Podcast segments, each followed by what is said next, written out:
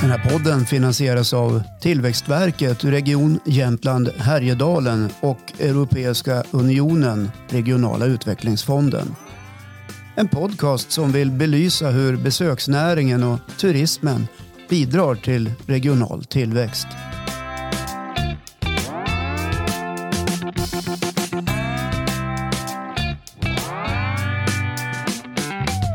Men nu ska ni vara hjärtligt välkommen till ännu ett avsnitt av JHT-podden, Jämtland Härjedalen Turisms egen podcast. Och idag ska vi faktiskt eh, prata om något väldigt spännande som handlar om ett samarbete mellan Vemdalen, Lofsdalen, Funäsfjällen och Härjedalens kommun. Och därför är du med Anna Hansson. Hallå där! Hallå, hallå Håkan. Du berättar lite grann vem du är för den som inte känner till dig. Ja, jag är, eh, till professionen så är jag ju sedan två år tillbaka VD på Destination Vemdalen. Och eh, jag är fyllda 60 faktiskt och har ägnat senaste 35-40 åren nästan, börjar låta läskigt nästan, men 37 åren åt att jobba med, med eh, svensk besöksnäring i fjällvärlden. Oj, varför, varför, valde du, varför valde du den banan? Ja, men jag är lite uppvuxen så där med föräldrar som drog oss ut i ur och skur och till fjälls lite då och då. Och kände att jag ville säsonga i svensk fjällvärld. Så då gjorde jag det. Och eh, sen när jag hade säsongat några säsonger så insåg jag att ja, men jag skulle nog vilja jobba i den här näringen. Men även jobba i ledande befattning. Så då sökte jag in på Högskolan i Östersund hette det då, på turismlinjen. Det som idag är Mittuniversitet och turistvetenskapligt program med destinationsutveckling. Kom in där 85, gick där och sen så fick jag genast jobb åt Svenska turistföreningen som platschef på Kvikkjokks fjällstation. Och på den vägen är det kan jag säga. Jag har jobbat från Abisko i norr till Storulvån i många år. Helax, eh, de anläggningarna och inom Svenska turistföreningen. Sen har jag jobbat som lärare på Campus Åre som är utbildningar i fjällmiljö.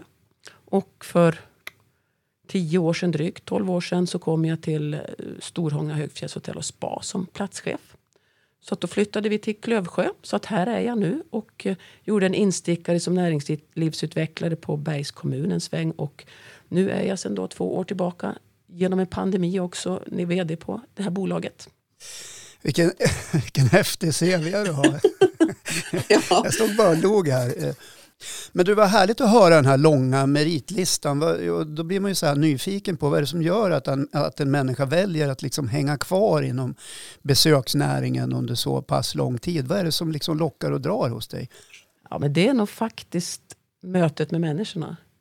Eh, dels att få vara med, och, som jag tycker är roligt, att leda verksamheter och leda och utveckla verksamheter. Men och se människor utvecklas i det.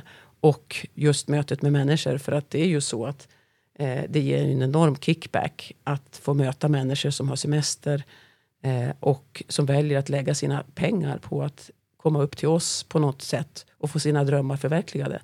Man får en cred nästan varje dag. Och det är ju inte många jobb, tror jag, som man får det.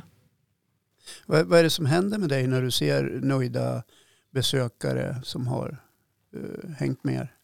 Ja, men det ger dels en liksom, känsla av att ja, men jag gör ändå någonting bra. Vi gör någonting bra även om det är någonting som skulle kunna tänkas vara onödigt. Att eh, åka på semester. Eh, och att man dessutom kan leva på det. Men det är ju så också att människor eh, behöver ju vara lediga och boosta sig på ett eller annat sätt. Avkoppla sig och hitta, liksom, eh, hitta sig själv igen och vara tillsammans. Och tillsammans är man ju när man är på semester väldigt mycket. Sen är det ju även konferensgrupper och den typen. Och där handlar det ofta om teambuilding och att man ska göra saker och växa tillsammans. Så att, eh, det är de bitarna som jag känner är liksom styrker, styrker mig i mitt jobb. Och sen att jag hela tiden fått jobba med människor. På, säsongare är ju ofta yngre människor som kanske står i starten av sitt yrkesliv. Och Eh, att få vara med och, och liksom bygga en plattform för dem. Den plattformen som, den, som, den, som de sen ska jobba med resten av sitt liv. Eller om de vart de nu handlar. Men att de bygger sig en plattform för sitt liv. Att få vara med där, det är otroligt roligt. Mm. Men händer det något i din mage så när du träffar en besökare som du kan höra och se att eh, den här personen eller personerna är nöjda med det de har fått uppleva här hos oss? Ja, hjärtat händer det. Ja, men alltså man blir ju vad ska man säga, varm i hjärtat och får en bekräftelse så känns det som att jag får vara med och vara en del av deras upplevelse. Och att, att också ha respekten för att jag faktiskt är en del av deras upplevelse. Den är ju faktiskt ganska stark. Tänker man då att, att man faktiskt säljer en upplevelse? Eller finns inte det med i tanken? Det gör det ju. Givetvis gör det det. Eh, för att man vill ju att saker och ting ska bli bättre hela tiden och att det ska gå att utveckla. För att sälja innebär ju också att man får medel för att utveckla. Du, vi ska prata om det här samarbetet som eh, ni har eh, mellan Vemdalen, Lofsdalen och Funäsfjällen. Och så är det Härjedalens kommun som är inblandad.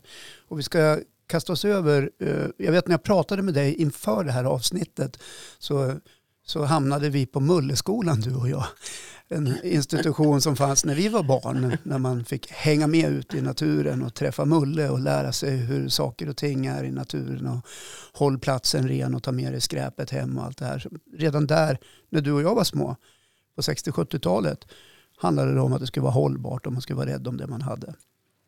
Även om man grävde ner soporna på den tiden. Och, och det där satt du och jag och pratade lite grann med, med varandra om i, i telefonen. Och sen glider vi in på det här projektet som ni ändå driver där nere, eller det här samarbetet som handlar om just hållbarhet inom besöksnäringen. Kan du berätta vad det är för någonting? Ja, det heter ju Fjällen Forever, det här projektet eller kampanjen vi jobbar med. Och den föddes ju utifrån dels att eh, det har ökat intresset för friluftsliv eller eh, livet på arenan ute i naturen som man också skulle kunna se det som idag. Eh, och att de under pandemiåren här blev ett väldigt tryck och väldigt mycket nedskräpning på fjället. Mycket platser också som har fått väldigt högt besökstryck och fick, fått mycket slitage. Eh, och det var ju inte bara här utan det alltså, man hörde på Kebnekaise det hundratals tält fick de plocka ihop efter säsongsstängning till exempel. Att folk bara lämnar grejer och går. Eh, och en insikt då att eh, det här funkar ju inte. Människorna som är här just nu, de vet inte hur de ska göra. Eh, så att sagt och gjort så vet jag ju att flera stycken andra inför kommande förra sommarsäsongen bestämde sig för att ja, men vi måste ut och informera bättre om det här. Eh, vi tog det lite en annan twist på det hela och eh, fick ihop oss tre destinationer här nere i Härjedalen. Lofs eh, Dalen, Funäsfjällen och sen så Härjedalens kommun. Och det var faktiskt på eh, inspiration från Härjedalens kommun som frågade kan vi inte göra någonting tillsammans på det här. Eh, och vi sa självklart ska vi det. Eh, och då gjorde vi en kampanj där som gick ut på att få våra gäster att eh, skriva på ett upprop. Att eh, hålla fjällen forever, det vill säga ta med oss ut, det vi, ta med oss in det vi tar med oss ut på fjället eller i naturen och inte skräpa ner. Så att det är liksom starten i det hela. Och i det är ju ett lite större tänk också att fjällen ska vi ha forever. Både, både för fjället, naturen själv och eh, för kommande generationer. Men det här med att samarbeta, om vi uppehåller oss lite grann kring det med destinationer så med en kommun också som är inblandad. Varför är det så viktigt och vad ger det? Ja, men det ger ju en liten högre status tycker jag på det. Att vi, vi går tillsammans i det här. Och det som var så otroligt roligt förra sommaren det var ju att när det här dök upp eh, i sociala medier då ringde Åre kommun, Strömsunds kommun, eh, flera destinationer och frågade får vi haka på? Och vi sa ju givetvis, här har ni materialet, skicka på det eh, och få alla våra gäster att, och oss själva att eh, anta den här utmaningen. Men det är klart alla hade samma behov, hade sett samma saker under pandemisommaren där. Då det varit ett sånt oerhört eh, tryck. Men den här lokala förankringen, den är ju viktig för en hållbar utveckling. Men eh, varför är den viktiga? Varför är det så viktigt att eh, få koka ner den på den nivån? Ja, men det handlar ju om att det är ju lokalt vi ska göra det här. Det är lokalt vi ska leva. Det är lokalt vi ska bo, verka och, och kunna fortsätta vara här. Och därför är det, måste vi utgå ifrån oss som är här och inte från något från oben. För att kommer det underifrån från oss på härjedalska eller jamtska så betyder det också att vi själva står för det. Och, och, vi vill det. Och det tror jag också möter gästen på ett väldigt bra sätt. Att de känner att ja men fine, det är klart att vi ska ställa upp på det här. Om vi nu pratar om socialt, ekologiskt, eh, eh, ekonomiskt hållbart och eh, tittar på det här långsiktiga. Vad betyder det för en destination att faktiskt hålla i det arbetet? Ja, alla de tre aspekterna som du tog, tog upp nu är ju oerhört viktiga för vår överlevnad här. Att kunna bo, verka och leva. Och den sociala hållbarheten är ju den som bygger samhällen. Och eh, det, här är ju naturen som är våran eh, affärsidé. Och eh, det är naturen som vi ska leva på över tid. Så att det gäller ju för oss att dels se till att, att naturupplevelsen ute på fjället kan fortsatt, fortsatt vara på den nivån som våra gäster förväntar sig. Det vill säga komma ut i en orörd natur eller som de upplever en orörd natur. Och samtidigt i de arenorna vi gör eh, att den också naturupplevelsen blir kvar. Så att risken finns ju att när man kliver in i, i eh, sådana här miljöer där expansionen är stor att eh, vi springer förbi eh, vi ser inte det som är värdet, vad gästen söker. Utan det blir en exploatering och där måste man vara otroligt framför, ha en otrolig framförhållning på att, att bygga miljöer som våra gäster vill ha. Det vill säga, eh, vi måste se till att bevara naturupplevelsen så långt som möjligt. För att förutsättningen för att bo, leva och verka här, alltså den sociala hållbarheten, den är ju att naturen är intakt. Så hela det här samspelet mellan hur, hur samhället eh, kan vara kvar och utvecklas, att människor flyttar dit och så vidare, hänger ihop mycket med hur man vårdar sin egen resurs, det vill säga destinationen och destinationsanledningen. Ja, absolut. Och den är ju förutsättning för att vi ska kunna bo, leva och verka, att kommande generationer ska kunna vara kvar här. Det finns ju ett otal exempel om vi tittar ut i världen och även kanske på hemmaplan också hur man kanske har exploaterat för hårt och de här värdena helt enkelt har försvunnit och blivit någonting annat. Ja, och det gäller ju att vi som destinationsbolag och även övriga företag och framförallt kommunen, även Länsstyrelsen, är, tar, tar det här på allvar och att man inte blir överkörda av exploatörer som bara är ute efter att hämta pengar. Det finns ju exploatörer som även tänker bygga långsiktigt och det har vi ju flera stycken här i Vemdalen. Men det finns ju även exploatörer och många exempel på olika håll där man ser att ja, men här vill vi hämta pengar. Och det är oerhört lätt att bara springa på i glädjeyran över att här vill det investeras. Jag tror att vi måste vara, eller helt övertygade om att vi för att vara hållbara på sikt, att vi ska vara ett, ett resmål som våra gäster vill komma till, så måste vi hålla i det här på ett bra sätt. För att det är lätt att glömma bort att det är gästen som ändå ser till att vi kan bo och leva här. När du när ni märkte då att andra destinationer sneglade på er och att, att man sökte också samarbete med er genom att ta del av era egna erfarenheter eh, och det ni hade att erbjuda, hur, hur kändes det egentligen? Det är väl bara jättebra. Jag tycker att ju mer vi kan göra tillsammans för sådana här saker som en hållbar fjällvärld eller en hållbar natur över tid, desto bättre är Och sen att det var en lyckad kampanj, det är ju ändå bättre att det inte är ett pekpinne att det inte är pekpinnar det handlar om utan att uppmana och utbilda tror jag. Den, den tycker jag är jättebra och att vi kan jobba bredare tillsammans med det. Väldigt, väldigt bra. Det här med att eh, man då marknadsför eh, sin destination eller eh, vad man nu gör, att man säljer in den och så vidare. Hur har ni tänkt kring det då för att visa upp att ni, ni tar ett eget ansvar men också att det egna ansvaret vilar hos besökaren? Det handlar ju också väldigt mycket om, som man uttrycker idag på engelska, content. Det handlar om vad vi ger för sammanhang till det vi, det, det vi marknadsför. Eh, marknadsför vi bara sälj, slit och släng om man uttrycker sig så. Då blir det ju också ett sånt budskap och ett sånt mottagande. Men om vi marknadsför så att säga, platsen, eh, känslan och det vi vill och det man kan uppleva. Då blir det ett annat mottagande också och då blir det ett ansvarstagande från gästen. För det är ju också så att om vi ska vara lite kritiska mot oss själva eh, så har vi ju till exempel som Destination Vemdalen genom åren jobbat för att stärka svaga säsonger. Vi har sålt in det här. Att det sen blir konsekvenser eh, som de har varit med det övertryck som har blivit under pandemin. Den hade nog ingen någon av oss ens kunnat anat i sin vildaste fantasi. Och det är likadant för många andra destinationer. Men eh, sagt och gjort så är det ju så att det har vi ju gjort, ja. Men nu får vi ju kliva på och ta ett större ansvar för hur vi sen kommunicerar Eh, upplevelsen på plats. När jag hör dig eh, berätta om det där eh, att, att andra destinationer sökte kunskap hos er så kan man ju säga att där hittade man ju då en dialog och en form för samarbete som ger någonting för alla. Ja men absolut. Och sånt här tycker jag är bara stärkande. Alltså, klart att vi konkurrerar med att få gästerna att åka till respektive destination. Men det finns otroligt mycket som vi kan stärka och jobba tillsammans med. Och det här är ett, ett typexempel på det. Hur vi jobbar med hållbara upplevelser, hållbara fjäll och alla de bitarna. Och har ett gemensamt eh, avtryck gentemot gästen. Helt, och det stärker oss bara.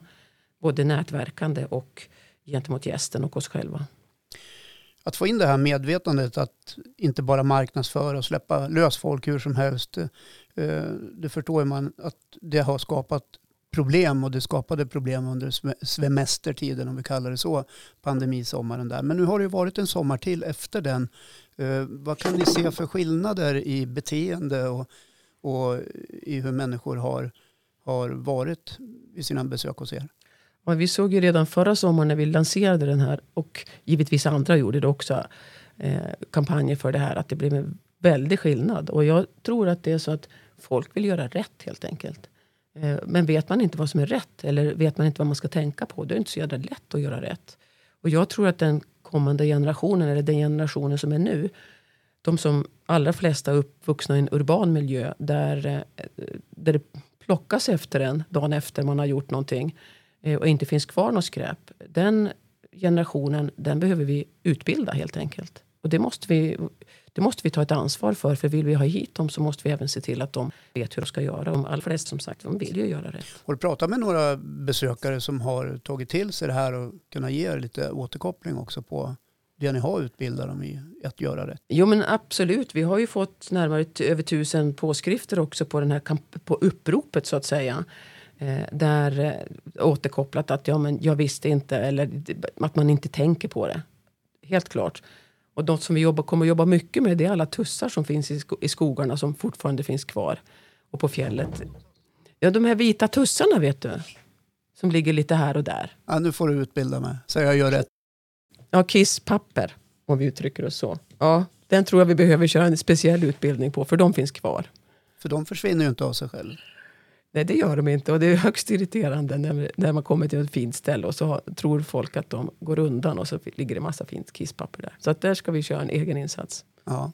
Jag tänker fortfarande på det här med samarbete och att dra nytta av varandra och att man hittar nycklar till framgång hos en som man kan ta till sig och, och göra någon verklighet utav på den destination där jag jobbar och, och verkar. Finns det andra sätt som ni också hittar samarbeten kring? Jag tror att vi kan hitta i, alltså i kampanjens namn, Håll eh, fjällen forever, kan vi även hitta liksom större samarbeten kring hållbarhet och hur vi jobbar med hållbarhet allihopa och hur vi kommunicerar det. För det finns ju oerhört mycket att göra på den sidan från destinationerna och det är inte så himla lätt alltid att koka ihop en destinations hållbarhetsarbete på ett gemensamt sätt. Men jag tror att den här kampanjen skulle vi kunna ha som en bärande kraft i ett sådant arbete till exempel. Till, och, och göra det tillsammans bredare. Ni har ju varit väldigt konkreta i vad ni pekar ut med vad ni menar med, med hållbarhet. Att det ska vara ekonomiskt, det ska vara eh, socialt hållbart och det ska vara det man kallar håll naturen ren. Eh, mm. Vad gjorde mm. ni för förarbete då innan ni drog igång den här kampanjen? Ibland sitter man ju i slutna rum och håller på att planera ihjäl sig eller så sätter man igång bara. Hur gjorde ni? Vi satte igång. Kan man säga. Med kampanjen gjorde vi det. Då var det helt enkelt så att vi fick en puck från, från Hejdons kommun. Så att vi går in med så här mycket. Om ni går in med lika mycket eh, var så, eh, ja, vi går in med lika mycket som ni går med in med tillsammans och så kör vi. Och det peppar ju att gå in med ganska mycket från början.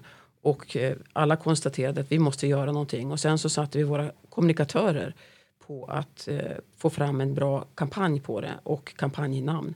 Så att eh, det första de kom med det var det här Fjällen Forever. Jag tycker att det var eh, briljant. För det säger så mycket mer än bara håll, håll, håll naturen ren. Den går att jobba brett och den går att jobba internationellt och den, den är lite twist på den. Och så tar vi hashtag framför den så finns det många som kan tagga den vidare och, och föra budskapet vidare. Så att det var ganska snabba puckar och hela kampanjmaterialet var ju också ganska snabbt framtaget men det skulle vara mycket känsla i de filmer. Det är framförallt film vi har jobbat med för det är det som gäller idag. Eh, att, eh, och, och, en väldigt enkel hemsida där man skulle skriva på. Men det är filmerna och det jämtländska och härjedalska anslaget som har varit, tror jag, succén i det hela. Som har gjort att det varit, blivit så tillgängligt och eh, det har varit så himla konkret. Det låter så häftigt att ni liksom satte igång med verkstad direkt och inte gjorde någon jättestor eller lång utredning eller någonting annat som man ibland kanske måste göra. Ja, fast ibland är det korta puckar och det är snabbt och då liksom, det kanske var den bästa miljön ibland. Så att tre kommunikatörer och tre vd och så en, en eh, tillväxtavdelning, en person. Så att då är det bara att tuta och köra. Ja, vad häftigt. Eh, ser du framför dig någonting annat som ni kommer att kunna samverka kring som man kan rymma inom begreppet fjällen forever då när du pratar om det? Ja, alltså det, det gör jag. Vi drar till exempel igång på onsdag nu ett arbete som vi kallar för en, en, narkotikafri, en, en fjällvärld fri från narkotika. Och eh, det är ett arbete som vi gör tillsammans med polisen, folkhälsosamordnarna och regionen. Eh, och Destination Funäsfjäll och Lofsdalen. Och den handlar om att eh, vi vill jobba för en, en fjällvärld som är friare från eh, narkotika än vad den är nu. För det är ju ett, ett eskalerande problem. Ett större, allt större problem att det är mycket narkotika, eller mycket, det finns narkotika både hos våra gäster och vår personal. Och det här vill vi jobba eh, systematiskt och långsiktigt strategiskt för att motverka så mycket som möjligt. Och det ser jag som en del i ett fjällen forever. Får ni med er alla partners då? Vi hoppas på att få med allihopa. På sikt ska vi göra det. Eh, vi har ett första möte nu på onsdag här vet jag. Eller har vi. Och sen så vet jag att både Lofsdalen och Funäsdalen kör igång. Så att det här kommer vi jobba långsiktigt och flera år med. Helt klart. Och Åre har ju varit duktiga på det här så att vi tar lite rygg på dem. Ja, vad lär ni er då från dem? Det ska vi få lära oss lite grann på onsdag. Och det tror jag framförallt handlar mycket om samverkan. Ja, då hittar ni den här, de här vägarna att gå med varandra. Man vandrar mellan destinationerna och nyttjar varandra. Ja men precis. Och inte sätter upp eh, massa väggar mellan varandra. Det är viktigt. Så kanske det har varit en gång i tiden att man satte väggar. Det kanske existerar fortfarande på vissa håll och kanter. Men... Ja, men det tror jag nog. Nu har jag varit vd här i två år, men jag upplever ju att pandemin gjorde en hel del för att öppna upp och vilja samverka för att kunna kunna jobba vidare och kunna öpp, öppet våra destinationer. Så att jag upplever ju verkligen att pandemin var krishantering är det bästa sättet att få folk att samverka. Alltså kris, kriser gör ju att vi går ihop. Ja, och kriser gör också att man måste ha lite verkstad. Ja, visst. Måste agera. Om vi skiftar fokus lite grann och tittar på uh, basnäringen, uh, besöksnäringen i den här regionen så vet vi att den omsätter närmare 6 miljarder kronor. Det är oerhört mycket pengar. Uh, den sysselsätter mellan 6 till 8 000 personer i den här regionen. Det är kort och gott vår största näring. Utifrån det här så gäller det att kunna ha fakta, att kunna redovisa och siffror och annat sånt där för att kunna påverka beslutsfattare och andra för att kunna visa upp sin egen näring för att nå ut där ute också med sina egna budskap. Och här kallas det för Jämtlandsmodellen, det som Jämtland Härjedalen Turism har tagit fram. Ett slags underlag för er som är medlemmar att kunna jobba vidare med och använda i er verksamhet. Eh, hur kommer ni att kunna använda den tror du? Ja, men vi använder väl, eller vi använder det här materialet redan och eh, jag ser det ju som att kan vi vår historia kan vi även skriva vår framtid och vara med och påverka. Och det här materialet som vi får tillgång till det är ju dels viktigt för oss själva. Ta reda på hur ligger vi till, hur utvecklas vi? Och även förmedla det till våra delägare och, och Eh, de som verkar i det här området. Men det som är superviktigt är ju att kunna jobba strategiskt gentemot eh, myndigheter, gentemot ja, företag överhuvudtaget för att visa på besöksnäringens roll och behov. Jag tittar till exempel på infrastrukturfrågor. Där ses vi ju ofta som knappt ens där det finns några bilar. För att man mäter till exempel biltrafiken här vart femte år i oktober och i maj när det inte är någon trafik. Men kan vi visa på på annat sätt att här är en viktig näring som behöver till exempel en bra infrastruktur för att kunna leverera. För att vi kan ju inte flytta på platsen utan platsen är ju där den är. Eh, det är inte så lätt att flytta Vemdalen dit det finns folk. Utan folket måste ju hit för att vi ska kunna jobba med det här. Och då kan sådana här underlag vara oerhört bra att jobba gentemot eh, politik eh, och så vidare. För det kan ju också då bidra till att öka kunskapen hos de som faktiskt kan behöva få den också. Ja men absolut. Och vi är ju en ganska spretig näring. Besöksnäringen består ju egentligen inte av många näringar som hänger ihop med varandra. Och det är svårt att kanske dra gränsen. Vad är besöksnäringen och vad är inte besöksnäringen? Och över tid har vi ju inte varit duktiga på de här bitarna. Och haft svårt att samla fakta för vad som är besöksnäringen och vilken effekt den har. Det kan man ju säga att de här stora basnäringarna, skogsbruk och eh, järnverksamhet och allt vad det kan vara, är mycket, mycket duktigare på och har en helt annat maskineri i det här. Eh, det här behöver vi jobba på, vi behöver bli duktiga och vi behöver dessutom bli duktiga på att föra ut det och använda oss av det. Jag pratade med Therese Gerdin som är vd då på Jämtland Härjedalen Turism och även ordförande Bosse Svensson i ett annat poddavsnitt så är de väldigt tydliga med att eh, den organisationen måste försöka prata med en röst. Ja men absolut, jag har jobbat i den här näringen i snart 40 år och det är ju så att vi är en mängd små företag. Det finns, inga, det finns ju några få riktigt, riktigt stora. Men eh, vi är ju övervägande ja, 90 procent är ju småföretag och ganska oorganiserade. Så att det är klart att vi måste bli duktigare på att prata med en röst och verkligen jobba för det. Och där har ni ju då Jämtland Härjedalen Turism som är er organisation som faktiskt kan göra det här. Ja, som kan hålla en stämma mot, mot göra stämman hörd helt enkelt, absolut. Ja. I det avsnittet pratas det också om att JHT hela tiden måste liksom söka finansiering. Det är ett projektberoende där man ägnar väldigt mycket tid och kraft åt att, att leta projekt för att kunna finansiera saker som hänger ihop med besöksnäringen. Till exempel det här som vi gör nu som handlar om besöksnäringens roll för regional tillväxt. Istället vill man hitta en annan finansieringsmodell för att slippa lägga en massa tid och kraft på att eh, skriva projektansökningar och mycket annat. Eh, vad tänker du kring, kring det? Ja, men det kan jag tycka är utifrån mitt perspektiv självklart att en sån övergripande organisation som har, som har en av de basnäringarna, som företräder en av basnäringarna i länet ska ha en finansiering som är offentlig på ett helt annat sätt än vad de har idag. Eh, givetvis även ska den ha en näringslivsfinansiering. Eh, eh men självklart så behövs det en, en basfinansiering som är större än vad de har idag. Eh, den är ju försvinnande liten. Jag började ju det här samtalet med dig Anna med att prata om att du och jag hade gått mulleskola. Jag kan eh, nog ganska snart, eller ganska exakt tror jag, kunna utgå ifrån att eh, många av de som kanske är yngre än oss inte ens vet vad mulleskola är för någonting. Skulle det må bra samhället tror du utav att uh, ha den här delen av uh, utbildning för barn och unga, hur man faktiskt agerar för att det ska vara hållbart kring natur och kultur och sådana värden?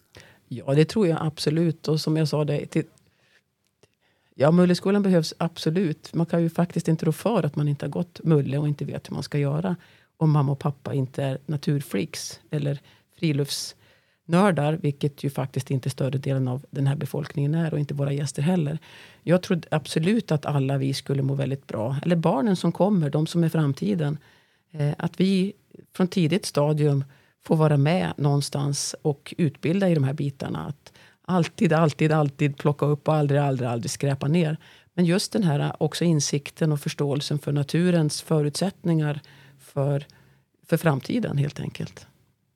Den är helt övertygad om att vi skulle må bättre utav, eller att, att, eh, eh fram, att vi i framtiden behöver, behöver stärka upp Mulle eller på ett eller annat sätt eh, bli duktigare på att utbilda om naturen och, och lära sig om naturen. Ni är ett väldigt lysande exempel på hur, en smart, hur smart man kan jobba med sin destination för att eh, hitta samverkan och, och sen ganska snabbt också göra verkstad av något som ni omedelbart såg som ett problem. Det är ganska häftigt. Ja, det är roligt. Det är roligt att kunna göra verkstad och kunna inte behöva långdra allting, verkligen. Du, eh, vi ska ta och runda av lite grann, Anna Hansson. Eh, men innan vi slutar så brukar jag alltid, eller för, för det mesta om jag inte glömmer bort det i alla fall, kolla av lite grann med gästerna eh, vad de själv har för pärlor. Jag kallar det för tre sköna. Och jag tänkte att du ska få dela med dig av tre sköna ställen, platser eller upplevelser som du har i ditt närområde som, som du gärna återvänder till. Då tar vi väl både Härjedalen och Jämtland va? Och så tar jag ju givet, ja jag tar några stycken. Jag tar en tur från Storhångna upp förbi Samevistet till Fallmoran och sen så går jag över jaktstugan ner till Vemdalsskalet. Det är en otroligt fin tur. Det får du både... Jag, jag kan ju ta den där både lubbandes och på turskidor och sen tar jag även skateskidor om det är sånt före på april. Det är en jättefin tur. Vad är det som gör att den är så härlig? Ja, men den tar dig både från eh, faktiskt från kult kulturlandskapet, fäbodvallar, de bitarna som är en superviktig del av vår destination. Den tar dig upp på fjället, på eh, högfjällsplatå på fem minuter. Ner i en härlig dalgång och sen återigen upp på, en, på ett högfjällsområde där man ser både bort mot eh, västra Härjedalen, vår nationalpark, Sonfjället och sen hela liftkapaciteten som finns i, i Vemdalen. Så det är en, en kontraster, härlig fjällmiljö och ändå är man liksom nära det här med alpin skidåkning och de här bitarna. Ja, det var nummer ett. Om du tar tvåan då, vad blir det? Ja, det måste ju bli borta i västra Jämtland. Jag har ju faktiskt jobbat och bott i 25 år i Åre. Och eh, en topptur på Getryggen är aldrig fel. Eller en sväng runt Storulvåfjället på turskidor. Det kan inte heller vara fel. Det är fantastiskt fint. Getryggen är ju välbesökt.